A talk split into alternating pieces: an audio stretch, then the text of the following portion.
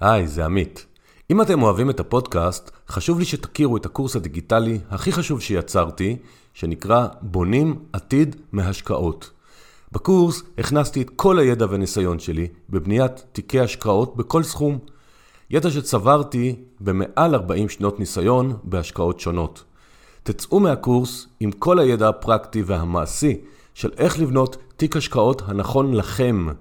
תבינו יתרונות וחסרונות של כלי ההשקעה השונים, וכמובן שיש בקורס התייחסות גם לשאלה מה עושים עם עודף תזרימי. תבינו איך עושים פיזור השקעות ואיך משתמשים בחוכמה בחוקי הכסף לטובתכם. הסדר שאני עושה לכם בקורס שווה לכם מאות אלפי שקלים במהלך החיים, כי לאחריו ההשקעות שלכם יהיו חכמות יותר ומדויקות יותר. אם הבנתם שרק מעבודה לא מתעשרים, ואתם רוצים להגדיל את ההון המשפחתי ואולי לפרוש לפני הפנסיה, זה הקורס בשבילכם. לפרטים והרשמה אפשר לפנות בדף הבית של האתר 2invest.co.il ולכם המאזינים היקרים שלי, יש הנחה משמעותית עם קוד קופון המילה השקעות. ועכשיו לפרק.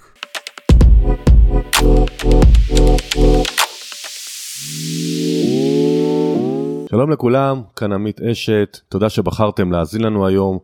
היום יש לנו פרק על ילדים וכסף. האורח שלי הוא נועם נדב, שלום נועם. שלום רב. נועם הוא כבר 16 שנה בחינוך פיננסי, הוא מייסד ומנכ"ל של מפנה, חוויה פיננסית שמלמדים חינוך פיננסי בפריסה ארצית מכיתות א' עד י"ב, הוא גם עושה הכשרות מורים בתחום, הוא המציא שמונה משחקים כלכליים, עושה שיתופי פעולה עם ארגונים ועיריות בתחום. בקיצור, חי את uh, עולם החינוך הפיננסי לילדים מקרוב עם הרבה מאוד ניסיון, ולכן החלטתי להביא אותו. Uh, אם בא לכם לתת דירוג לפודקאסט באפליקציה שדרכה אתם מאזינים, זה ממש יעזור לי להגיע לעוד עיניים, עוד אוזניים. מסתבר שהאפליקציות מדרגות לא רק לפי כמות האזנות, אלא גם לפי דירוגים. Uh, זהו הפרק האחרון לשנת 22. אה, עלו השנה 29 פרקים חדשים, אז תודה לכל מי שמאזין, ספר לחברים. אה, היה כנס גם מאוד גדול בתחילת ספטמבר בבית ציוני אמריקה, עם 400 איש. יש כנס גדול מאוד ביום שלישי ה-27 לחודש אה, דצמבר, ממש עוד יומיים, בבאר שבע, למעלה מ-200 איש כבר שם, אז אם אתם דרומיים או מהמרכז, מוזמנים. יש קהילת פייסבוק. בקיצור, הפודקאסט אה, תופס נפח מכל מיני כיוונים, גם הספר כמובן, ונשמח שתספרו לחברים. ונעבור עכשיו לשיחה עם נועם על נושא החינוך הפיננסי לילדים ובכלל. השאלה הראשונה, נועם, שהייתי רציתי לדעת, אתה התחלת לעסוק בחינוך לפני 26 שנים, לפני 16 שנים עברת לחינוך פיננסי. מה גרם לשינוי, לשינוי כיוון? קודם כל תודה רבה על הרעיון וזה מאוד כיף uh, להיות בו. לגבי השאלה שלך אני בעצם קראתי את הספר הרבה קראו אותו אבא עשיר אבא אני. מאוד התלהבתי אמרתי וואי כל כך חשוב חינוך פיננסי מגיל צעיר ואמרתי אני אעשה את זה כי אני בתחום ההדרכה. אז אמרתי רגע אני בעצמי לא מבין בכלכלה כלום. ואז התחלתי פשוט לקרוא מלא מלא תכנים בתחום הכלכלי, אה, ספרים, עיתונות, אה, קורסים, אה, למדתי פשוט הרבה הרבה הרבה, ורק אחרי די הרבה שנים, יחסית, משהו כמו חמש שנים, התחלתי בעצם עם החינוך הפיננסי. ההתחלה, אחד הדברים שאמרתי לעצמי, שאני רוצה שהוא יהיה חווייתי, שהוא יהיה כיפי. אני נורא סבלתי בבית ספר כשהייתי צעיר, ואמרתי אני רוצה שיהיה קודם כל שיהיה להם כיף ומעניין, והשלב אחרי זה זה בעצם הנושא של ה... אה, החינוך הפיננסי, בעצם מבחינתי קודם כל בא הנושא של שיטת הלימוד, של המתודיקה. ולכן התחלתי בעצם ממשחקים, התחלתי להביא משחקים של אספנות מכל העולם, אין כמעט משחקים כלכליים, וזה גם הסיבה של מה שהביא אותי אחר כך לפיתוח המשחקים. אז לגבי כל המשחקים והפיתוח שלהם אנחנו נרחיב בהמשך. אז כשהחלטת ללמוד, טוב, לפני 16 שנה לא היה הרבה אמצעים דיגיטליים כמו שיש היום, אז זה בטח היה יותר ספרים. השאלה, האם למדת ברמת התיאוריה שגם התחלת לעשות, להתנסות, אה, הילדים שלך בטח אז היו או לא נולדו עוד או שהיו ממש ממש ממש צעירים אז אי אפשר היה להתאמן בבית. זהו, אז זו שאלה, שאלה מצוינת, כי קודם כל, אה, באמת, כשמסתכלים על אה, מה היה, אז היה אולי מדף אחד בחנויות הספרים של תחום הכלכלה, היה בעיקר עיתונות, לא היה את כל הנושא הזה של אה, פודקאסטים ודברים כאלה. אני זוכר את עצמי קונה דיסקים, דרך אגב, של דברים מחו"ל למשל, שהיו מאוד מאוד יקרים, זה, לא יודע, שלושה דיסקים, 600 שקל ו- וכדומה, שהמחיר שלהם תכפילו את זה, זה היה מטורף. אה, אבל אני נורא הבנתי את החשיבות של להשקיע בידע שלי, בתובנות. ועשיתי את זה הרבה, לא רק ברמה של ידע כלכלי, אלא גם ברמה של שינוי תפיסת עולם. זאת אומרת, הבנתי שאני חייב לשנות הרבה מאוד פרדיגמות שיש לי צורות חשיבה, כמו למשל, אה, אני באתי מבית של שכירים, אז אמרו תמיד הכי טוב להיות שכיר. יש קרן השתלמות, יש קרן פנסיה, ימי חופשה, ימי מחלה. רק לשנות את זה הייתי צריך קואוצ'רית שממש עשתה איתי איזה שלושה מפגשים רק על הנושא הזה של שינוי התפיסה והתודעה. מוכר לי מאוד אה, היום יש באמת כלים יותר בקבוצות הפיננסיות מי שמתעניין פודקאסטים קורסים יותר זמינים דיגיטליים אבל אני בהחלט כי גם אני גדלתי בבית של שכירים גם והייתי שכיר אני 20 שנה ולפני כ-12 שנים שעברתי להיות עצמאי. אז זה שינוי תפיסת עולם זה מתפיסת העצמי איך אני תופס את עצמי ו... ואז עוד שיש ילדים צריך גם לעזור להם אז מסקרן אותי לדעת בהמשך למה שאנחנו אומרים על עברנו מהר כזה 15-16 שנים האם אתה מרגיש היום פתיחות שונה אצל הורים ומוסדות החינוך לכל השיח על כסף? בטח זה זה מטורף אני כשהתחלתי אז אומרים לי מה בגלל כל כך צעיר ללמד חינוך פיננסי השתגעת. והייתי צריך לתת כל מיני הסברים למה כן אני זוכר את עצמי אחד הדברים שהייתי אומר להם רגע יום השואה ללמוד בכיתה א' ויום הזיכרון אבל חינוך פיננסי זה מוקדם מדי. אז מצאתי כל מיני דרכים איך לנסות לשכנע את מי שנמצא מולי. היום זה מדהים, היום אני לא צריך לשכנע אף אחד, ישר אומרים לי, רגע, איך זה עובד, איזה מדהים, איזה יופי, וזה הולך ומתעצם יותר ויותר. גם אם מדברים, כמו שאמרנו, על מדף הספרים בחנויות הספרים, אתה רואה שכבר זה נהיה ארון שלם של, של ספרים בתחום הכלכלה, פודקאסטים כמו שלך, שזה מדהים, ומלא ארגונים ומלא מקומות שפשוט מעלים חומרים, גם קואוצ'רים מאוד מאוד מוכרים בעולם, פתאום יש כל כך הרבה הצפה. ומי שיודע אנגלית טוב אז בכלל זה, זה נהדר, וגם מי שלא יודע אנגלית טוב, אני הרבה הקשבתי ושיפרתי את האנגלית שלי בזכות הדברים גם מחו"ל. מוכר. אז לפני שנעבור לתכלס לפעילות שלך, אה, רציתי לדעת, ברמת המקרו, אתה מגיע לבתי ספר אה, לבד ומשכנע אותם, או שהיום יש משהו ממסדי במשרד החינוך שיש לך מספר ספק ואז הם שולחים אותך אני שואל את זה בעיקר אותם מאזינים ומאזינות שאולי הם הורים אולי הם מורים אולי הם דברים איך איך אפשר ל- לעשות את זה. כן אז קודם כל uh, כדי שמנהל ייקח את התוכנית בתוך בית ספר הוא חייב שהתוכנית תהיה מאושרת משרד החינוך. מה שיש עכשיו עם השרה uh, שהוציאה זה שיש את מה שנקרא תוכנית גפן. והמנהלת או המנהל מקבלים אה, הרבה יותר תקציב עבור בית הספר, יש להם הרבה יותר עצמאות, יכולים לבחור תוכניות מתוך הגפן ויש מבחר מאוד מאוד גדול וטוב. אז מנהלת שמחליטה שהיא רוצה חינוך פיננסי ומגיעה אלינו, אז אנחנו בעצם מסבירים לה מה היא יכולה לקבל. נכון להיום יש שתי אפשרויות, זה אומר בגדול שתי אפשרויות יש הרבה, אבל אני ככה מחלק את זה. אחד זה מורה שלנו שמגיע ומלמד, ואת זה אנחנו עושים באמת ממש בצפון, נהריה, כפר ורדים ועד קריית גת וטיפה דרומה, ויש בתי ספר שפשוט קונים ערכות ועושים את זה לבד, זאת אומרת המשחקים עם מערכי שיעור, עם טריוויה אינטרנט, כל מה שצריך בעצם לעשות את זה בצורה עצמאית. מעבר לזה עשינו עוד כל מיני כלים כאלה כמו הופעה שעכשיו אני אה, עושה שהיא אה, עם כוכבי אה, ילדים ועם עוד כל מיני אפשרויות של הכשרות מורים אה, ודרך זה אנחנו בעצם מעבירים את כל הידע. בעצם המטרה שלי החזון שלי שהתחיל כבר לפני 20 שנה, אבל בפועל התחלתי בביצוע לפני 16 שנה, הוא חינוך פיננסי לכולם. ולאט לאט זה נהיה מדהים שזה תופס יותר ויותר, אנחנו כבר הגענו לדעתי, נגענו בסביבות 500 בתי ספר עד היום, ואני מקווה שאנחנו נגיע בקרוב לכולם. א', אני בעד. אני גם מכיר מעט תוכניות נוספות, אבל אה, מאזינים יקרים, ומאזינות כמובן, שמעתם אם אתם ילדים שלכם בבית הספר ואתם רוצים לעזור או שאתם במערכת החינוך עצמה יש תוכנית גפן אפשר לבחור נועם או בטח יש עוד אני אני מכיר עוד אחד לפחות אבל זה לא משנה העיקר שיהיה חינוך פיננסי. אז תראה אז אמרנו בהתחלה שאתה יש לך חינוך פיננסי מכיתות א' עד י"ב אז זה עונה כבר לשאלה מאיזה גיל להתחיל לדבר עם, על כסף עם ילדים. אבל ההמשך של השאלה, איך אתה מחלק את קבוצות הגיל השונות והעומק של השיחה איתם? זאת אומרת, זאת שאלה מאוד מקרו, אנחנו בהמשך הפרק אנחנו נרד ל, לעוד המון שאלות מיקרו, אבל אני רוצה רגע להתחיל מלמעלה. זאת אומרת, ברור שילד בכיתה א' או ילד בי"א, לא אי אפשר לדבר איתם באותו דבר. איך אתה מהניסיון שלך מחלק את העולם הזה? קודם כל אני אחדד דווקא גיל ההתחלה הוא יותר נמוך מכיתה א' אה, למשל דמי כיס דמי כיס ההמלצה מבחינה קוגנטיבית הילד יכול כבר מגיל 5. אז אנחנו נרחיב על אה, דמי כיס עוד מעט אז אל תרחיב כן. על זה עכשיו הערה חשובה אבל ההרחבה על דמי כיס אנחנו אוטוטו מגיעים. כן רק אומר מבחינת הטווח גילאים בעצם הטווח גילאים יכול להיות יותר גדול גם צריך לזכור שפרסומות היום אה, מכוונות לילדים כבר מגיל שנתיים אז לכן מבחינת ה, אני אומר, החינוך הפיננסי או ההורה שמסתכל על הילד שלו, הוא יכול כבר להתחיל את זה בגיל יותר uh, מוקדם. Uh, מבחינת התכנים, אז באמת, תראה, גם במשחקים, למשל המשחקים שלנו פונים לילדים מכיתות ג' ומעלה. Uh, המשחקים, אני אומר, uh, uh, מה שבעצם פיתחתי, אבל גם בתוכם יש משחקים שלא מתאים לכיתות ג', למשל יש משחק על בורסה, אז אנחנו מתחילים, וזה שמע אולי קצת מוזר למאזינים, uh, והרבה פעמים שמעת את הפליאה הזאת, אבל אנחנו מתחילים עם בורסה כבר מכיתות ה'.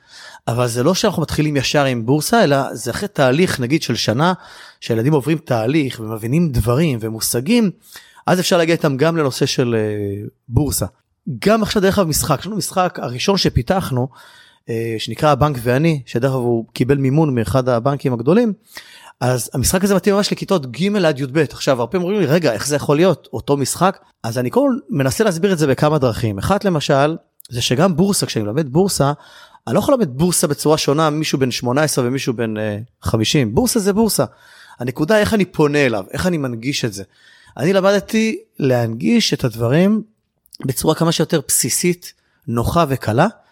הייתה דוגמה של הבנק למשל הבנק ואני כשילד בכיתה ג' נתקל בזה הוא בכלל במקום של הספירה עדיין. אה, קח עודף, אה, שמתי 5,000, קח עודף 2,000. אבל לאט לאט הוא עולה ברמה ומבין יותר ויותר דברים לעומק. כשאתה עושה את זה עם ילדים בוגרים יותר, אתה יכול לדבר איתם על סיכוי סיכון, על חוב טוב, חוב רע, על אה, מינופים ועוד הרבה מאוד כלים אפילו סתם מוצף שם הנושא הזה של פתיחת חשבון בנק בעצם אז בוא נדבר על חש... פתיחת חשבון בנק שאפשר מגיל 14 בליווי הורים זה בעצם פותח שיח מאוד מאוד רחב אחד הדברים למשל שנמצא שם זה נושא של תרומות היה לי פעם איזה דיון כזה שלם עם איזה מועצה שאמרו לי רגע אבל למה יש פה אה, צדקה ובכלל למה לכתוב תרומה והאם בכלל זה נכון להכניס את זה או לא. אז תקשיבו לא משנה מה תחליטו לגבי צדקה תרומה עצם זה שעכשיו הנושא צף ואנחנו מדברים עליו כל כך הרבה זמן עשינו את שלנו. אז חלק ממטרת המשחקים היא בעצם להציף את כל הנושא הזה בצורה מעניינת בצורה חווייתית מעמיקה. דרך הרבה מהשיח, אני לא יודע אם אני כבר גולש בשאלות, אבל מקסימום תעצור אותי, הרבה פעמים מהשיח בין ההורים לילדים הוא יכול להיות שיח שהוא טיפה אה, קשה על כסף, או מאוד אה, חותך, או אה, לא קשוב. משחקים כאלה, מה שקורה זה שההורה, זה גם מעניין אותו, זה גם מעניין את הילד, ויש פה הזדמנות לשיח שהוא נורא כיפי, הוא נורא נעים. ודרך המשחק אני יכול לדבר איתו עכשיו על, נגיד הרמתי דואר, יש כרטיסי דואר, אני יכול להרים כרטיס על ארנונה והוא ישאל רגע מה זה ארנונה ואני אסביר לו מה זה ארנונה ומה זה מע"מ ומה זה ביטוח לאומי ולמה יש החזרים מדברים מסוימים ולמה אנחנו צריכים לשלם דברים מסוימים. להבין מה העורך חווה שעובר חודש שלם. אז בעצם המשחקים מציפים את הנושאים המאוד מאוד חשובים אבל בצורה כיפית בצורה מעניינת. עולות לי פה כמה שאלות לפחות שתיים במקביל ואתה תחליט איך אתה עונה עליהם. אחת יש הבדל אם מעביר משחק במערכת החינוך אני בכיתה ד' 3 והילדים משחקים כשהמורה או המדריך שלך מלמד אותם ויש שוני אם אני משחק עם שני האחים שלי ושני ההורים שלי. אז השאלה שלי אחת איך בעצם זה מתנהל השוני הזה בין אה, התא המשפחתי שהרבה פעמים ילדים תופסים את ההורים כגורם נחמד אבל מאיים לבין כי כסף זה חשוב לי שיאהבו אותו. והשאלה הנוספת שהיא קשורה ולא קשורה האם במשחקים האלה יש מנצחים או שיש חוויה כי אם אני הולך על אה, מונופול שזה המשחק הראשון לדעתי או חבילה הגיעה בזמני אני לא יודע אם זה קיים ששיחקו סביב כסף וקוביות היה מנצח ויש דברים שאתה יכול להגיד זה רק חוויה אין פה מנצח אנחנו כקבוצה כמשפחה וכולי אז שתי השאלות בעצם היא. איך מגשרים על השוני בין החבר'ה בכיתה למשפחה והאם יש מנצחים במשחק. אוקיי okay, אז אה, אז קודם כל מבחינת אה, באמת כיתה לעומת אה, בית. קודם כל בכיתה אנחנו יש גם ספר שכתבתי על השיטה שדרך קונים מרכז מקבלים גם את הספר. בדיוק מהמקום הזה של בעצם איך אני מעביר בתוך מוסד uh, ציבורי או בתוך בית ספר, כיתה, קבוצה גדולה, איך שזה יהיה מעניין, שזה יתפוס, שזה יתחבר אליהם. לדוגמה, דרך אגב, אחד הדברים שאנחנו עושים כדי לגרום לילדים שהם יהיו בתוך העניין, זה לענות על הלמה הזה. מה הכוונה ללמה? אתה יודע, ילדים לומדים הרבה דברים בבית ספר ולא מבינים למה הם לומדים אותם. אז נורא חשוב לנו להבין למה, למה חינוך פיננסי? למה דרך משחקים? למה דווקא ללמוד על בנקאות או ללמוד על בורסה או כל נושא אחר שאנחנו מעלים דרך המשחקים או גם לא דרך משחקים, דינמיקות קבוצתיות וכדומה, פרסומות או כל נושא אחר שאנחנו נוגעים בו. אז אחד הדברים קורה זה לגרום להם לשכנע אותם למה חשוב הנושא הזה ואחרי ששכנענו אותם והם מבינים אז אני יכול לצלול לתוך הנושא. כשאתה עובד בתוך קבוצות אתה בתוך כיתה גדולה אתה צריך באמת אה, לתת לכל את העקרונות הראשוניים. ואז אתה נותן את העקרונות הראשונים, את המושגים הבסיסיים שהם צריכים להבין כדי לשחק את המשחק. המטרה היא דרך אגב עדיין חתירה לכמה שיותר מהר לשחק את המשחקים. למה? כי בסופו של דבר המשחקים זה כלי לימודי.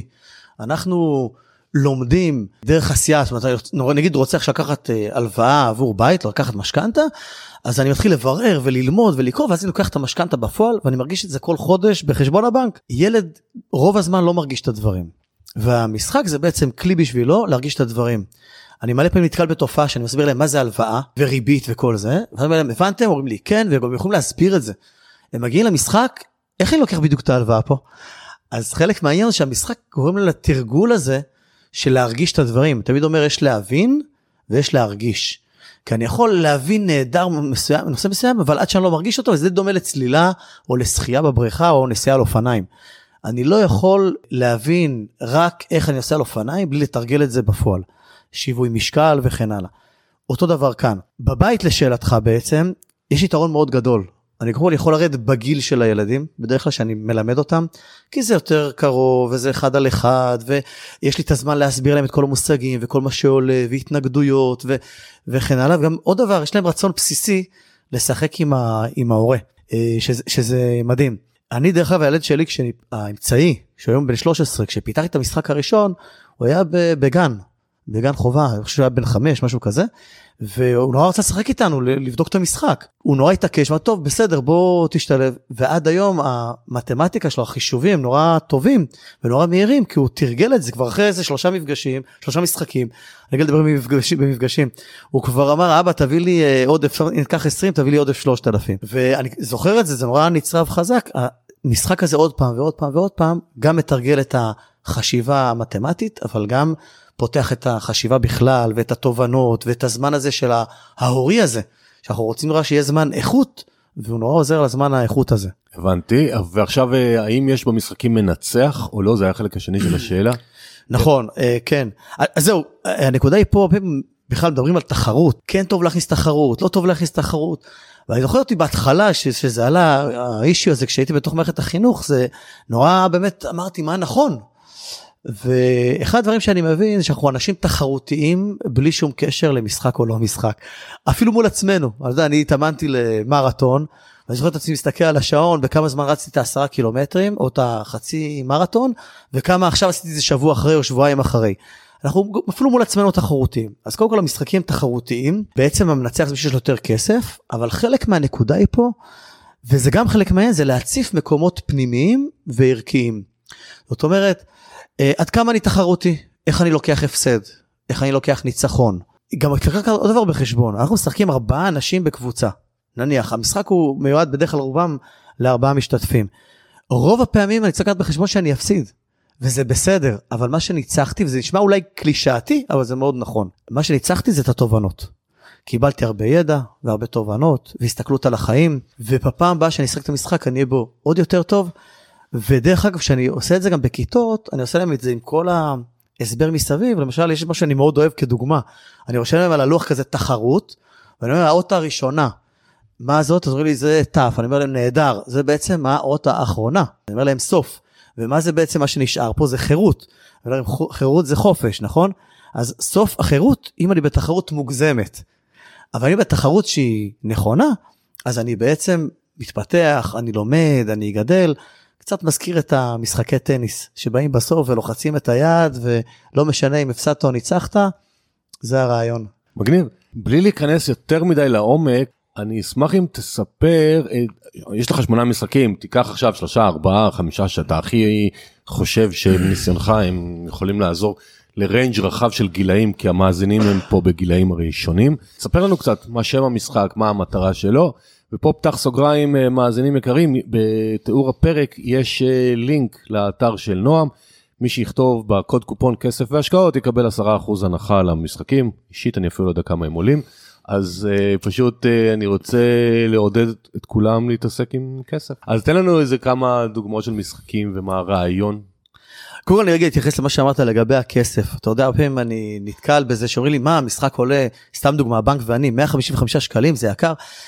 אז זה לפעמים מצחיק, אתה רואה אנשים יושבים במסעדות ובתי קפה, מוצאים כל כך הרבה, אתה יודע, ספר לי על זה. בדיוק על דברים כאלה, ואז אתה פתאום אומר, בואנה זה משחק, אתה עכשיו יכול שלוש, ארבע, עשר שנים להיות איתו. לא, אתה גם משנה לילדים שלך את החיים. אם אתה אומר 155 שקלים, ב-155 שקלים אתה יכול לשנות לפחות לאחד הילדים את כל החיים, אז אה, מה זה המספר הזה? זה- בדיוק, ואם שיחקתם זה חמש פעמים, עשר פעמים, כבר החזרת את זה לעומת הבית קפה רגע, אם ניקח את זה, אבל המשחק משחקים בו הרבה יותר פעמים כמובן מזה. אני יכול להגיד אפילו על עצמי, על הילדים שלי, שכל כמה זמן אומרים לי, אבא בוא נשחק את המשחק הזה והזה, כל פעם זה משהו אחר, אז זה לא נגמר. גם לפעמים זה יכול לצבור אבק בארון חצי שנה או שנה, ואז עוד פעם זה חוזר לשימוש.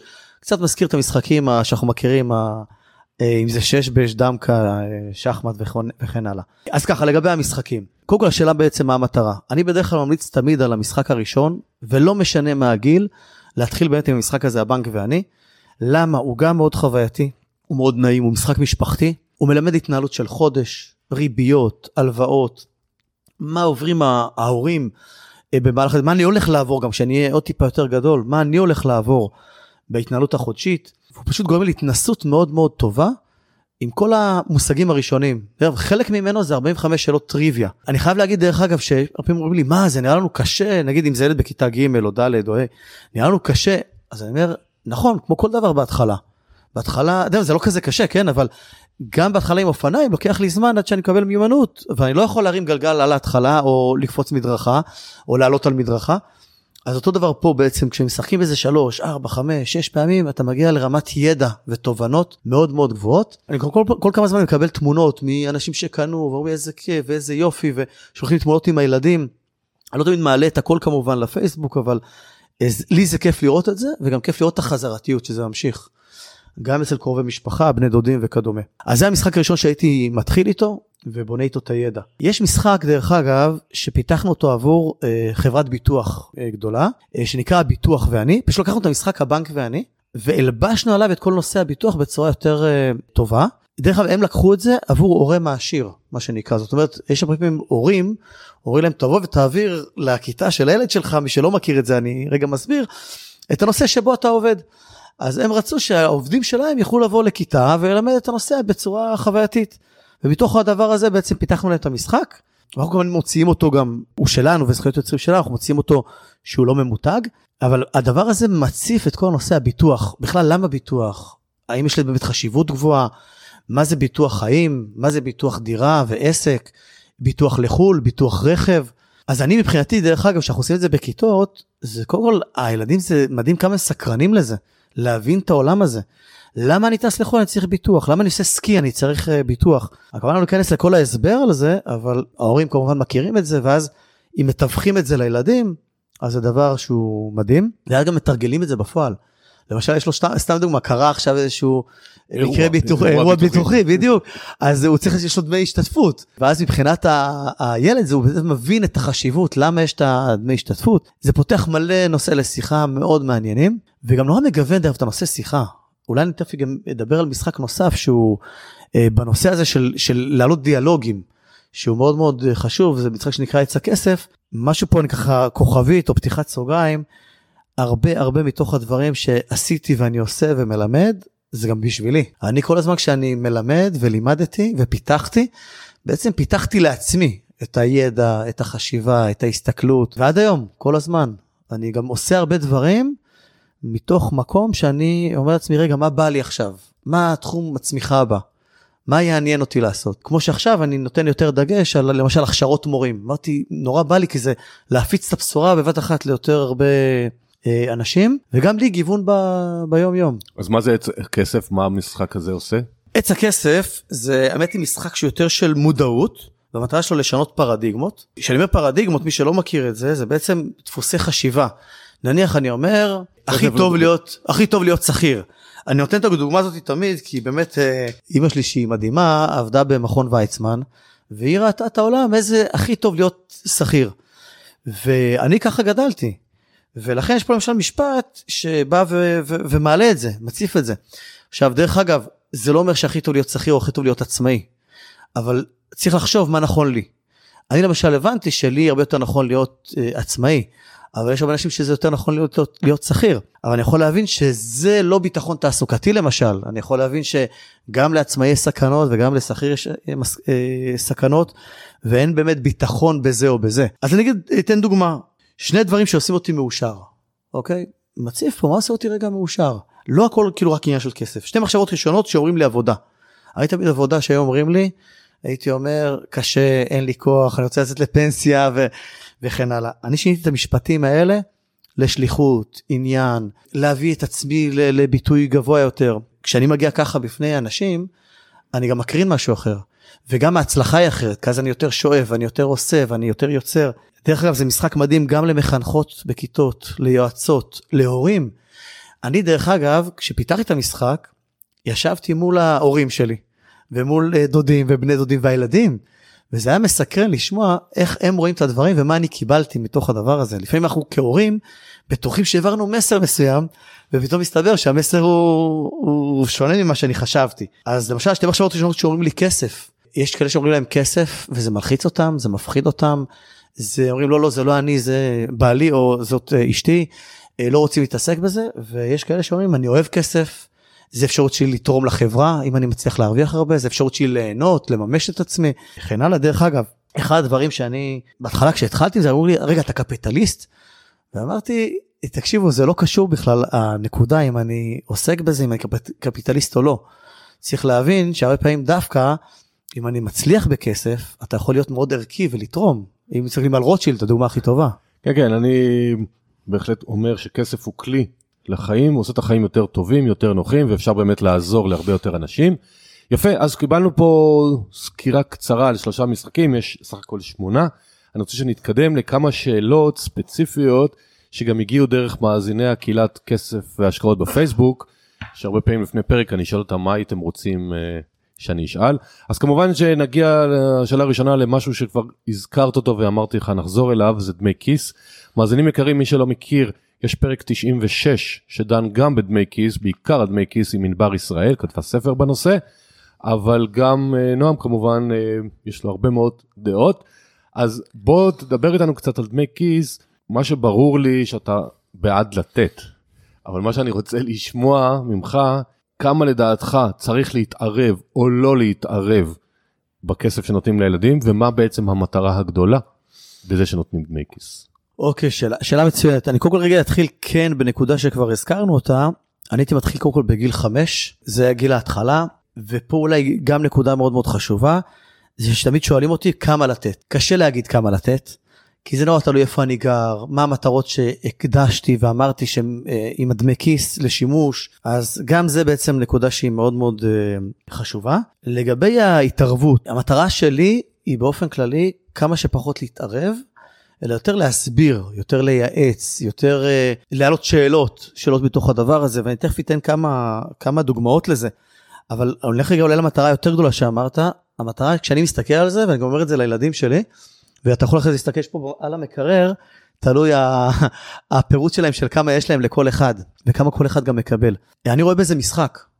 אני רואה בזה בעצם סוג של שיחה, דיאלוג אה, עם הילד. בוא נדמיין רגע, הרי ילד בן חמש, נגיד שנותן לו כל שבוע חמישה שקלים. או עשרה שקלים, זה לא משנה. אני יכול לפתור לו את הבעיה שהוא רוצה, או את הכסף שהוא רוצה, אני יכול לפתור לו בשניות ולתת לו את מה שהוא צריך. זאת לא הבעיה. הבעיה מה יקרה כשהוא יגיע לגיל 25 או 30 ויעשה טעויות כלכליות. ובעצם כל התהליך הזה שאני עושה איתם זה סוג של לתרגל את הנושא הזה של אה, חשיבה כלכלית, הסתכלות כלכלית.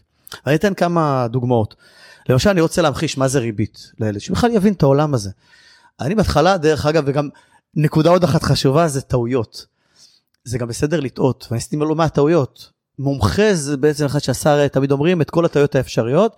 אז עשיתי, אני חושב, לא את הכל, אבל עשיתי כבר הרבה מאוד טעויות, ומתוך זה יש לי הרבה מאוד אה, ידע. אז אחת הטעויות שעשיתי, נתתי להם 10% ריבית לשבוע. וכשזה סכומים קטנים, אז הכל בסדר. אז אתה, אוקיי, 10 שקלים, 10% ריבית זה שקל. אבל כשזה פתאום מגיע לסכומים גבוהים, אתה נתקל בבעיה. אני שיניתי את זה בשלב מסוים מ-10% ל- לשבוע ל-10% לחודש. ואז אה, הילד שלי אמר, האמצעי אמר, שקוראים לו גם עמית, אמר רגע אני עכשיו מקבל אה, כספים ליום הולדת ועוד חסכתי לפני והוא אחד שלא מבזבז הרבה אני אוכל לחיות רק מהריבית. ופתאום קלטתי שהסכום הוא גבוה מדי גם 10% לחודש ואז אמרתי טוב אנחנו צריכים לשנות את זה ל-5% וכמה צעקה מאוד גדולה מהילדים מה פתאום ואיך אתה משנה חוקים וקבענו דברים ואתה לא עומד בהסכמים ואז זה פותח פה שיחה מאוד טובה. מה זה בנקאות ואם אפשר לשנות חוקים או אפשר לשנות חוקים ואם יכולים להשתנות ואם אתה משנה אותם אז אפשר להגיד אוקיי החודש הקרוב תקבלו כמו שהובטח אבל מעוד חודש התנאים משתנים ואז לתת דוגמאות מהשטח. אז זה קודם כל דוגמאות מאוד טובות של איך אה, הדבר הזה הוא כלי מאוד מאוד טוב לחינוך הילדים והכנסת ידע. אבל לתת דוגמאות שאמרת של חופש, חופש, עד כמה לתת חופש. אני זוכר את זה עד היום כי גם לילד זה נזכר מאוד חזק וגם לי זה נזכר מאוד חזק. היינו בחיפה, הלכנו שם לפארק של, ה, של X פארק כזה, של, עם האופניים וכל הקפיצות והכל. ואחרי כמה שעות אני אומר טוב תקשיבו בוא נלך לאכול רגע במקסים שם במסעדה אבל כזה פשוט סלטים וכדומה יש לנו ארוחת זה החג יש ארוחת ערב מאוד גדולה אחרי זה ואין טעם סתם לבזבז את הכסף. והילד הגדול מאוד התעקש אבא אני רוצה סטייק. אבל תקשיב סטייק עולה 115 שקל ואין סיבה זה יקר. לא אני רוצה אבל תקשיב אתה רוצה קח על חשבונך. הוא רצה לקנות hoverboard. אה, ועוד רגע אה, טסים לחו"ל ואפשר בדיוטי פרי לקנות את זה ובדיוק בסכום שכבר יש לו. אמר לי, תמה, נעשה חצי חצי. אמרתי לו, לא, אני לא רוצה, אם אתה רוצה, תקנה. דרך אגב, אחד הדברים הקשים זה להגיד לילד שלך לא, שאתה יודע כמה אתה יכול בקלות לתת לו את זה. כאבא אבל... אני יודע כמובן. בדיוק, אבל פה זה העניין של התפיסה ושל העקרונות וזה מאוד קשה. הלאה, אח הזמין את המלצר והזמין על חשבונו ואמר כן אני מבסוט ושאלתי אותו כמובן, החלטה נכונה, כן אני, אבל מאז הוא לא חזר לטעות הזאת שוב. חלק מהעניין זה ליפול בחיים וגם אנחנו נופלים ועושים טעויות. ולתת גם להם. בוודאי. אה, איך שאמר פעם איזה גורו אמריקאי, every master was once a disaster. אז אה, כולנו. יופי. בדיוק. עכשיו אני רוצה להתקדם רגע, אנחנו, אתה מדבר במאוד פתיחות על החיבור של ילדים והורים. אני יועץ פיננסי ואני רואה גם הרצאות, אני רואה אלפי אנשים, ויש הורים שהם בעצמם לא מבינים. הם לא מבינים בכסף, הם לא יודעים כסף, זה מלחיץ אותם הכסף ברמת שני בני הזוג, לא מדבר על אחד כן אחד לא. איזה טיפים מקצועיים מהידע שכבר צברת בעשרות השנים אתה יכול לתת, איך עוזרים להורים כאלה שבעצמם לא מבינים, כן להתחבר יחד עם הילדים וללמוד ביחד אולי, אבל הרבה פעמים הורה רוצה להיראות נורא חכם מול הילד ולא נעים לו להגיד שהוא לא יודע. זה גם חלק מהחסרונות שלנו לפעמים כבני אדם. קיצור הבנת אותי. כן כן כן אני, אני כל חושב שאחד הדברים החשובים ביותר שאנחנו נותנים לילדים זה לא הידע זה התנהלות זה צורת חשיבה וחלק מהנקודה זה כמו שעכשיו העלית זה קודם כל להודות בטעויות או ב- להודות בחוסר ידע. אני חושב שמה שהכי מוערך זה זה מוכנות לשינוי. דרך אגב בכל דבר שאנחנו עושים הצד השני אם אנחנו אומרים לו לא אני ככה אני כזה קשה מאוד לקבל. אבל אני אומר הקשבתי תן לי לחשוב על זה ובוא נראה מה אני יכול לעשות אחרת. זה מאוד מוערך ולא משנה אם זה מישהו שנותן לי עכשיו שירות או אם אני נותן שירות או, או כל דבר אחר. אז אני חושב שאחד הדברים זה למשל להודות להודות. אני נגיד את התחום הזה פחות מכיר. בוא נלמד רגע נבין מה אנחנו עושים ולעשות השינוי עוד דבר דרך אגב זה, זה מאוד מתחבר לי מה שאתה אומר פה עם החיבור לילדים או בכלל השיח עם, ה, עם הילדים על הנושא הזה. שהרבה פעמים מסתירים את השיח הזה. לי זה קצת מזכיר פעם איזה מישהו שאמר שאנשים הולכים לבנק ומדברים ברגש, וסליחה ובבקשה ותעזור לי וזה, והולכים הביתה ומדברים בהיגיון במקום לעשות הפוך. אז אני חושב ש... שפה גם אנשים עושים קצת הפוך עם הילדים, שהפעמים הם לא לוקחים אותם דווקא לבנק, או לקניות, מנסים להימנע מזה. ודווקא זה הדבר הנכון, ללכת עם הילד לבנק ולהסביר מה קורה. להתמודד עם הקניות, עם הקושי הזה שהילד מבקש גם את זה וגם את זה וגם את זה. דרך אגב, יש כל מיני אסכולות, האסכולה הגדולה ביותר, תכין את הרשימה בבית ותלך לסופר. היא לא תמיד נכונה. לפעמים דווקא אני רוצה שהילד כן יהיה מעורב בקנייה ויחשוב יחד איתי ונחשוב ביחד מה נכון לנו לבית ומה נכון לקנות. ואני דווקא עולה מעולה אומר במקום שעכשיו נוציא כסף בחוץ שהיום זה נורא פופולרי שאוכלים בחוץ דווקא נקנה ונעשה את, ה, את, ה, את האוכל בבית ונחסוך בכסף אולי נקנה יותר בסופר אבל נקנה פחות בחוץ כי אין לנו את מה שאנחנו רוצים חלק מהגדול מהעניין זה תמיד לעבוד עם, עם פתיחות לגבי כל נושא. וגם מה שאני אומר כל דבר לבחון זה מזכיר דרך אגב גם את הדמי כיס. שהגישה אני ככה אגיד בגדול האמריקאית הרבה פעמים האמריקאית מציגה את זה שעל כל דבר אני יכול לתת לילד כסף. אם הוא מסדר את החדר אם הוא מנקה את הבית וכן הלאה. והגישה הישראלית אומרת אה, פחות אני נותן לו רק על דברים שהייתי מוציא החוצה ומפריט. בזה עשיתי טעויות אבל דרך אגב גם פה זה לבחון עם עצמך מה הדבר הנכון אחרי שאתה עושה דרך אגב נותן משהו שלא צריך לתת ואתה מבין את הטעות אתה מתקן אותה. אז חלק מזה זה להתנסות ולחוות ולבדוק. אז מאזינים ומאזינות יקרים בעצם מה שנועם מציע לנו אני לוקח את זה רגע לתחום מקרו בחיים לא רק כסף. אה, זה בסדר להגיד לילדים אני לא יודע אה, אני אישית אומר לילדים שלי מלא דברים שאני לא יודע זה גם לפעמים ללקוחות שבאים ושואלים שאלות ספציפיות. אומר להם אני לא מבין בזה אני מפנה אותם למישהו שמכיר אבל העיקר לא לפחד כי אני חושב שאחד הדברים החשובים וזה מה שאני מנסה להעביר דרך הפודקאסט כולו לא דווקא הפרק הזה.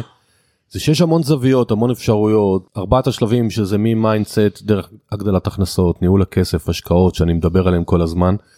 אז זה בסדר אנחנו לא יכולים לדעת הכל אם לילדים יש ציפיות שאנחנו נדע הכל אז זה ציפיות מוטעות למבוגרים יותר זה אולי יותר קשה להודות בטעות לצעירים אני חושב יותר קל כי היום הילדים גם לומדים המון מהגוגל ומהאינטרנט בדורי. היה לנו הורים היה לנו אנציקלופדיה וזהו לא היה עוד איזה מישהו שידע לעזור לנו. אז בקיצור דברו איתם אני רוצה עכשיו להמשיך נועם איתך אתה הזכרת קניות. אני רוצה לדבר על קניות ב-level קצת אחר. יש לך ילדים גם מתבגרים וזה לא רק אצלך בכלל. אה, ילדים מתבגרים הרבה פעמים רוצים לצורך העניין נקרא לזה מותג וזה לא משנה אם זה נייקי או אדידס או לא יודע אנדר ארמור סתם ניקח את הספורט דווקא כי זה קל. כי לכולם יש ואנחנו גם רוצים. אנחנו כאנשי פיננסים כאלה ואחרים גם כהורים אומרים רגע בעצם זה לא משנה אם תקנה נייקי או תקנה משהו אחר והאיזון הזה בין מה שהילד רוצה לבין כולם יש להם. והדעה ההורית אני אשמח לשמוע איך אתה מתייחס לאיזון הזה. טוב אז אני, אני קודם כל אגיד שכמובן גם אני מתמודד עם אותם דברים ואותם מורכבויות אה, עם הילדים שלי וגם בכיתות שאנחנו עושים את זה. למשל אנחנו עושים ניסוי שאנחנו קוראים לו ניסוי הקולה או הבמבה עשיתי אותו עכשיו גם עם הילדים שלי על דברים אחרים על מוצרים אחרים. זה מדהים כאילו החברה שמפרסמת הכי הרבה היא החברה שבעצם בדרך כלל הכי נמכרת או הכי רוצים אותה. אז הילד שלי אמר אבא אני נורא רוצה קוטג' של חברה מסוימת. ואמרתי לו אתה יודע להבדיל בינה לבין החברות האחרות? אמר לי בטח. אז קניתי סוגי קוטג' וגם סוגי תירס שהוא אמר אני רוצה דווקא סוג מסוים. וקשרתי לו את העיניים ואמרתי לו בוא נראה אם אתה מצליח עכשיו אה, להבדיל. אני חייב להגיד לכם כולם בטוחים שהם הצליחו להבדיל גם מבוגרים ולא מצליחים להבדיל באמת בטעמים. אז קודם כל אפשר לעשות את הניסוי הזה בבית עם איזה מוצר שאתם מדבר אליכם אם זה במבה אם זה קולה אם זה אה, תירס אה, מהסוגים השונים או קוטג' או כל דבר אחר שהילד חושב שהוא יודע להבדיל. אם ניקח את זה רגע לנושא של הביגוד אז גם פה אני למשל אמרתי להם תקשיבו יש תקציב מסוים חודשי שזה התקציב לביגוד. שאמרתי תראו אני יכול לקנות לכם ממותג שמכנס ממותג יכול לעלות קצר דרך אגב זה מדהים איזה מחירים איזה פערים יכול להיות 200 250 300 שקל מכנס קצר ממותג והלכתי לרשת אחרת שהיא מאוד גדולה ומאוד איכותית ומאוד טובה. תקשיבו תקנו פה יכולים באותו מחיר לקנות לכם כמעט מלתחה שלמה. באמת הלכנו לא, לאותה רשת וזה גם ישב טוב וזה גם היה איכותי והם התלהבו איזה יופי. אז אני חושב שזה הרבה שיח וזה הרבה לפתוח את הדברים וגם אם אמרנו מקודם לאפשר. כי אני יכול להגיד לו אוקיי אז תקנה כל אחד יקנה אה, מכנס ורבע ממותג בסדר אה, אפשר גם למשוך את זה על כמה חודשים אה, או שתקנה מלתחה שלמה שמדברת אליך ואתה יכול להחליף. אבל גם חלק מהדבר הזה זה לפתוח את השיח בכלל על המיתוג. דרך אגב אני לא מזלזל במיתוג יש דברים שהמוצר באמת המיתוג שלו הוא באמת בצדק הוא יותר איכותי הוא יותר טוב וכדומה ויש מקרים שלא. אנחנו כבר יודעים שבביגוד הרבה פעמים אותה חברה אותן חברות מייצרות באותו מקום ואחת שמים את, ה, את הסמל הזה ואחת את הסמל האחר ושניהם באותה איכות ואפילו באותה גזרה ואותה צורה ו, ואותו דבר. אה, לכן חשוב באמת במה. אני חושב שבדברים האלה במיוחד של ביגוד אין סיבה. אני רוצה אבל לסייג משהו אתה יודע זה כמו ש... אתה יודע חושב להגיד קבלן מאוד גדול לא יכול לבוא עכשיו עם איזה רכב מאוד מצ'וקמק כי איך שיסתכלו עליו ואיך יעריכו אותו אז uh, הוא צריך לקנות איזה רכב גדול ושירשים וכדומה. יכול להיות שבמקרים מסוימים אתה תגיד אני קונה לילד בגד אחד או שתיים או לא משנה כמה שיהיו מיוצגים יותר טוב שהוא הולך לאירוע מסוים למקרה מסוים תלוי בגילאים אז כל דבר צריך כמובן גם לבדוק אבל בגדול אני חושב שהמקום גם שדיברנו עליו זה השיח הזה הפתוח וההבנה וההחלטה המשותפת וגם לערב אותם בתקציב. כן בהחלט כי אני אומר אני מסכים איתך אבל גם הסביבה לפעמים מאוד מאוד מלחיצה זאת אומרת אדם שגר בסביבה של כל ההורים עם מרצדסים ו- וכולי אז גם אם ההורים שלו במקרה קנו שם בית לפני 20 שנה לפני שזה היה אזור יוקרתי אבל אין להם יש פה באמת בעיות אז מאזינים יקרים זה באמת uh, הרעיון uh, של תקציב ומה עדיף לך ו- ושיח. ואני רוצה לעבור לשיח מהמקום הפחות כיפי שזה גם חייבים אה, להעלות אותו. יש משפחות שנמצאות במצב כלכלי קשה. עכשיו אני מתכוון לקשה נקודתית לא מדבר על כאלה שכל הזמן במצב קשה. מה זה קשה? יכול להיות שאחד מבני הזוג אה, פוטר. מחלה אה, הוצאה בלתי צפויה לשיפוץ גדול בבית ופתאום באמת כל מיני דברים הטיול לחוץ לארץ שתכננו פתאום הפך להיות שיפוץ לגג השאלה בעצם עד כמה לשתף ולספר לילדים שקרה פה משהו ואיך להתייחס לגילאים השונים של הילדים כי עוד פעם ילד בן כיתה ג' יכול להיכנס לסטרס ילד בכיתה י"א כנראה קצת כבר יותר. אה, תראה אני קודם חושב שפה זה לפעמים שאלה גם למישהו שהוא בתחום יותר של הטיפול. אה, אני חושב שבאופן כללי אה, ילדים רואים ומרגישים כמעט הכל. בגדול אני מאוד משתדל לתת להם קרקע יציבה ובטוחה ותחושה שהכל בשליטה ולא משנה גם אצלי יש מקרים שפתאום זה קורונה והמצב מתערער וכן הלאה. אז לתת תחושה כמה שיותר של ביטחון מצד שני אתה לא יכול יש את המציאות עצמה פתאום עכשיו אתה לא יכול לאפשר אולי דברים ש, שיכולת לאפשר מקודם. ופה צריך לפתוח את השיחה ולדבר איתם ולהסביר להם בלי לחץ ממקום של, של מודעות של הבנה ולהביא להם את המסר כמובן ש... ככל שהגיל יותר בוגר, ואני מדבר במיוחד שאנחנו עולים לכיתות של אה, נגיד אה, יסודי גבוה וחטיבה ותיכונים, אתה יכול יותר לערב, אבל זה גם קשור אני חושב ל, לילד ולמודעות שלו. אתה יודע, זה לי נורא מזכיר ש... כל פעם שאתה הולך עם ילד נגיד ברחוב אתה רואה דברים מסוימים אז יש דברים שלפני זה הוא לא ראה ופתאום עכשיו הוא רואה אז אני תמיד אומר לדבר עם הילדים בהתאם למה שעולה. ויש דברים שצריך להציף ואין מה לעשות אם עכשיו אני לא יכול לאפשר אה, שלושה חוגים אלא רק שניים או רק חוג אחד אז צריך לדבר על זה עם הילד, להסביר את הסיטואציה, להגיד שזה זמני עד שנגיע לפתרון. ו... אז בקיצור גם פה שיח ופתיחות האם יש לך איזה טכניקות מניסיונך איך לעודד ילדים לשאול שאלות בנושא מה זאת אומרת. לצורך העניין בדיון מאזינים לנו הם, הם פתוחים כלכלית כי הם מקשיבים לפודקאסט uh, כסף והשקעות וכנראה לא רק לא. ויש ילדים שזה כאילו לא מעניין אותם זה כאילו כסף זה בעיה של אבא ואמא. איך אה, טכנית, אה, אני שואל אם יש לך רעיונות לתת למאזינים שלנו איך אה, להתחיל לחבר את הילדים. תראה, אני חושב שכל מה שדיברנו פה זה בעצם המקום הזה. אה, זאת אומרת אם אנחנו מדברים על דמי כיס זה כבר גורם לאינטראקציה הזאת שגורמת אה, לשיח על זה הנושא עולה מדברים יש דילמות אני זה אני קונה מהדמי כיס לא מהדמי כיס.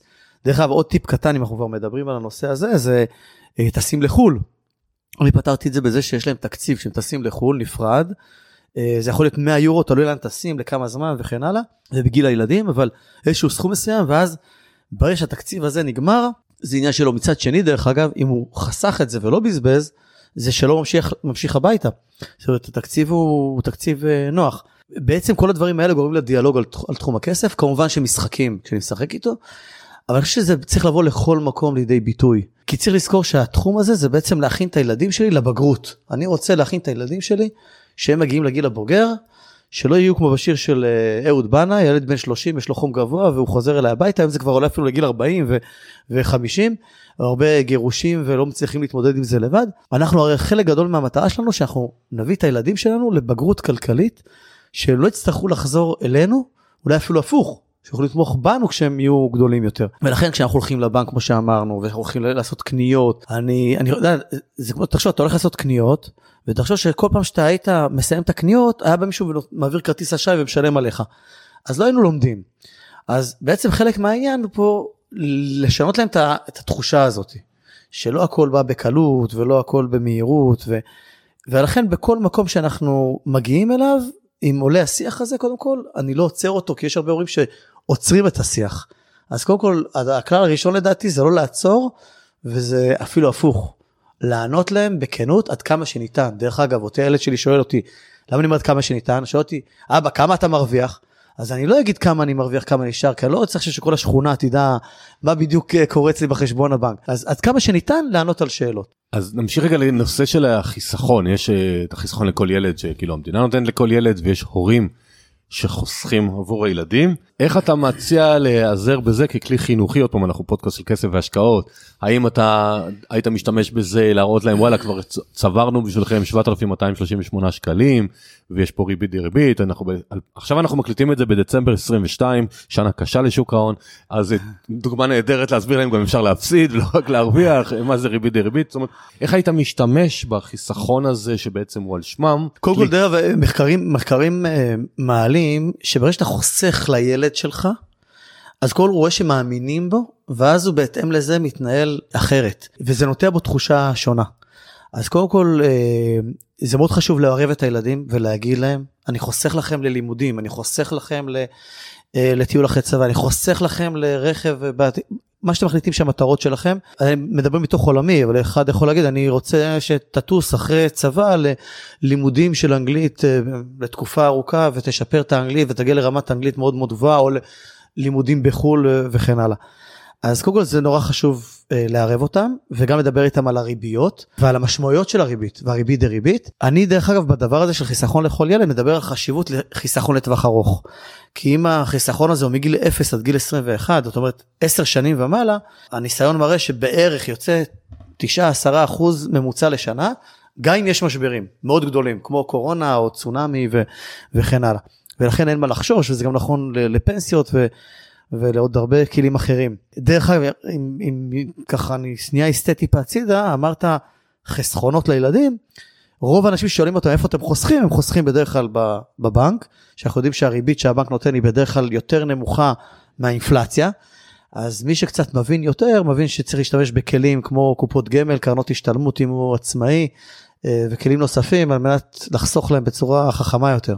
אני כמובן מסכים. מאיזה גיל היית מתחיל לדבר על ילדים ו/או לעודד אותם לנסות להרוויח כסף לבד ממה שנקרא ממכירת לימונדה לשכנים ועד ללכת לעבוד אה, במקדונלד בתיכון ו... או בורגר קינג או לא יודע מה אין פרסומות כמובן אה, כללית כאילו היום גם מלא ילדים צעירים יודעים אה, מי לצלם אה, וידאו ודרך עריכת סרטונים וכל מיני כאלה זאת אומרת איך אתה רואה בעיניים הסובייקטיביות שלך את כל עולם ההכנסות של הילד עצמו. תראה, קודם כל אני, אני התחלתי בגיל מאוד צעיר ואני חושב שזה תרם לי בהרבה מאוד uh, דברים גם בעצמאות שלי. Uh, מימנתי הרבה דברים שרציתי לבד אני חושב שהייתי הולך ומוכר uh, פרחים יש לנו בהתחלה בהתחלה כשהייתי בן חושב בן 12 או משהו כזה היינו הולכים וקונים פרחים באיזה מושב ההורים גם עזרו בדבר הזה. היינו שלושה חברים ונוסעים וקונים את הפרחים במושב קרוב ואז אה, מחלקים אותם ומוכרים אותם ברחובות וכל מיני מקומות עד אז לא הייתה בעיה עם זה. והרווחנו הרבה וקניתי לעצמי את האופניים שרציתי והייתי עושה רכיבות סוסים וכן הלאה. לדעתי זה מקסים אבל אני אדבר רגע בהיבט גם המקצועי. מאוד מאוד חשוב לתת לילד להתנסות בדברים כאלה אנחנו רואים את זה הרבה בגינות ציבוריות שבאים ילדים ויש דברים משומשים בבית ואומרים בוא במקום לזרוק אותם בוא ניקח מדבקות ונשים עליהם ונמכור. אז כל זה מלמד צרכנות נבונה וזה מלמד גם לא לזרוק ואיכות סביבה וזה פותח שיחה ואתה נמצא יחד עם הילד שלך אז יש לך גם את הזמן האיכות איתו. הוא הרוויח כסף הוא, בוא, זה לא רווח זה בעצם הכנסה. כעיקרון יש פה גם את ההוצאה אז כמובן אתה נותן לו את כל הכסף בדרך כלל, במיוחד בגילים הצעירים, אבל אתה מסביר לו את ההבדל בין הכנסה לבין רווח, הוצאות וכן הלאה, בעצם מכניס לו את כל המושגים, אבל אה, דרך הפרקטיקה. דרך אגב היום קוראים לזה בשפה החינוכית PBL, Project Based Learning, שעושים את זה בתוך בתי הספר, לא עושים את זה לצערנו מספיק, כי זה הרבה משאבים וזמן ואנרגיה וזה לא קל, אבל uh, זה בדיוק הדבר שצריך לעשות, לתת להם התנסויות מעשיות. לכן אני מעודד כבר מגיל מאוד מאוד צעיר לעשות את זה. כמובן במינון נכון ולא שזה חזות הכל ולא זאת המטרה והמטרה פה זה ערכים קודם כל וללמד את הרעיון זה בעצם הכיוון הנכון. כעיקרון רק שלדעת שכעיקרון מגיל 14 אפשר לעבוד לפי חוקים לפי, לפי חופשות אה, רשמיות של משרד החינוך אפשר לעבוד ובגיל 16 אפשר חופשי יש מקום יש מקרים שאפשר לקבל את האישור הזה לפני אבל זה מבחינת ה... זה רגולטיבי כבר. כן. מעולה. אנחנו מתקרבים ככה לקראת הסוף, אז שאלה שרציתי עוד לדעת, האם היית מציע למשפחה עם ילדים, לא משנה איזה גילאי הילדים, לסכם הזמן שבועי, דו שבועי, חודשי, לא יודע מה, שיושבים ועושים שיח על כסף. לאו דווקא משחקים, אלא ממש אה, או לא יודע, כל אחד מספר מה החוויות שלו, כסף מהפגישה הקודמת, או רעיונות חדשים, או התלבטויות. זאת אומרת, האם לדעתך זה משהו שהוא כדאי, לא כדאי? קודם כל תלוי פה מאוד במשפחה, כי באופי שלה ובהתנהלות, אפשר לעשות דבר כזה. אני דרך אגב, סיוע דמי כיס, אני עושה את הדבר הזה שאני משתדל כל סוף שבוע, שבו אנחנו בעצם רגע יושבים ואני עושה את החישוב יחד איתם, יכולתי לעשות את זה לבד, אבל עושה יחד איתם, ואז אה, עולים, אה, עולים נקודות. אני חושב שהחיים הם אנחנו כל הזמן קוראים דברים ונורא חשוב זה דווקא לשמור על המקום הזה של כשעולה משהו אז אני מדבר עליו מציף אותו ו- ו- וכן הלאה ולא כי אני יכול להגיד יום שבו אנחנו פותחים את זה ולא יהיה את האנרגיה לזה או את המצב רוח לזה או, ה- או לילד לא יהיה לו שום דבר ולכן צריך אה, בכלל אני חושב כהורה להשאיר לך את המקום הזה של המרווחים לכל השיחות. מעולה. אז הגענו לשאלה האחרונה שתמיד אני סקרן עליה הכי בעולם כי זה כבר משהו שאני לא מכין אלא מרואיין מספר. אה, והשאלה היא אני מבקש תמיד מכל מרואיין לתת לנו שלושה טיפים לחיים למאזינים.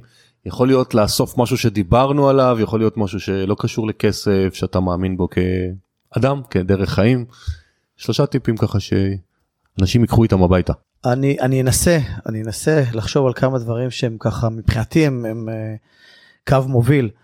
אני קודם חושב הדבר הכי חשוב זה להיות עם צניעות אינטלקטואלית זאת אומרת תמיד להיות לא, לא להגיד אני יודע הכל או ברור לי הכל אלא כל הזמן לחקור וללמוד ולהתפתח באותם תחומים שהם חשובים לך שיעזרו לך לקדם את המטרות שלך. אני מתוך המקום הזה בעצם נפתחתי להרבה מאוד דברים ואני עדיין כל הזמן נפתח. הדבר השני שלי הוא היה מאוד משמעותי זה, זה התמדה. זאת אומרת הרבה פעמים אנחנו זה מזכיר איזה מין קריקטורה כזה ששניים חוצבים בקיר ואחד ממש כזה עוד רגע כבר הוא סיים והגיע לצד השני ואז הוא מתייאש ושנייה לפני והולך. אז אני חושב שההתמדה זה, זה החלק הקריטי בכל דבר כי אתה יודע גם הרבה פעמים באים אליי להתייעץ לגבי פתיחת עסק ואני רואה אוהב לעזור לאנשים וככה להסביר להם ולפרט להם בלי שום קשר ל, ל, לעשייה שלי. אז אני תמיד אומר להם, תקשיבו, תכינו את עצמכם לטווח ארוך. עסק זה לא שאתה עכשיו בשניות, אני פותח והנה בום, הכל קורה ומצליח. אז אני צריך גם ברמת הכסף, גם ברמת המודעות, גם ברמת המשאב הנפשי, האנרגטי. אם זה מישהו שכבר עם ילדים, עם נשוי וכן הלאה, תמיכה מתוך המשפחה, על מנת להגיע להתמדה הזאת. הדבר השלישי, אני חושב שהוא מאוד מאוד חשוב, זה לא לפחד להתנסות. אני דווקא אחד שפחות אוהב לקחת סיכונים. אבל עם זאת אני כל הזמן עושה דברים חדשים. לפתח אה, שמונה משחקים זה עלה לי הרבה מאוד כסף זאת השקעה השקעה גם בזמן וגם בכסף ואתה לא תמיד יודע מה ההשקעה תביא לך. אני כתפיסת עולם כל הזמן גם בשביל עצמי שיהיה לי מעניין וכיף וטוב וגם עבור, ה... וגם עבור עצמי והגדילה וההתפתחות והתוצאה כל הזמן אה, לא מפחד להיפתח לדברים חדשים. מעולה מעולה איזה יופי. אז תודה רבה נועם, היה מאוד מעניין, אני מקווה מאזינים מאזינות שכל אחד מצא, בטח למי שיש ילדים, מצא את הנקודה השתיים האלה ש... שיכולים לעזור לו מול הילדים ואיך לחבר אותם לנושא. אני מזכיר שבתיאור הפרק יש לנו לינק לאתר של אה, מפנה חוויות פיננסיות, קופון בשם כסף והשקעות ייתן לכם הנחה של 10% לרכישת המשחקים שתבחרו. אם שלי כבר גדולים אז אני כנראה כבר הם אה, צריכו ללמד את הילדים שלהם, אבל זה נשמע ממש מרתק. אז תודה רבה. תודה. תודה לכם שהייתם איתנו. אני מזכיר לכם שיש את הקהילת כסף והשקעות בפייסבוק. אני אשמח שתשתפו חברים על קיום הפודקאסט וניפגש בפרק הבא בשנת 2023. שיהיה לנו כולנו שנה אזרחית ופיננסית מוצלחת הבאה עלינו לטובה. שנה טובה והמון הצלחה.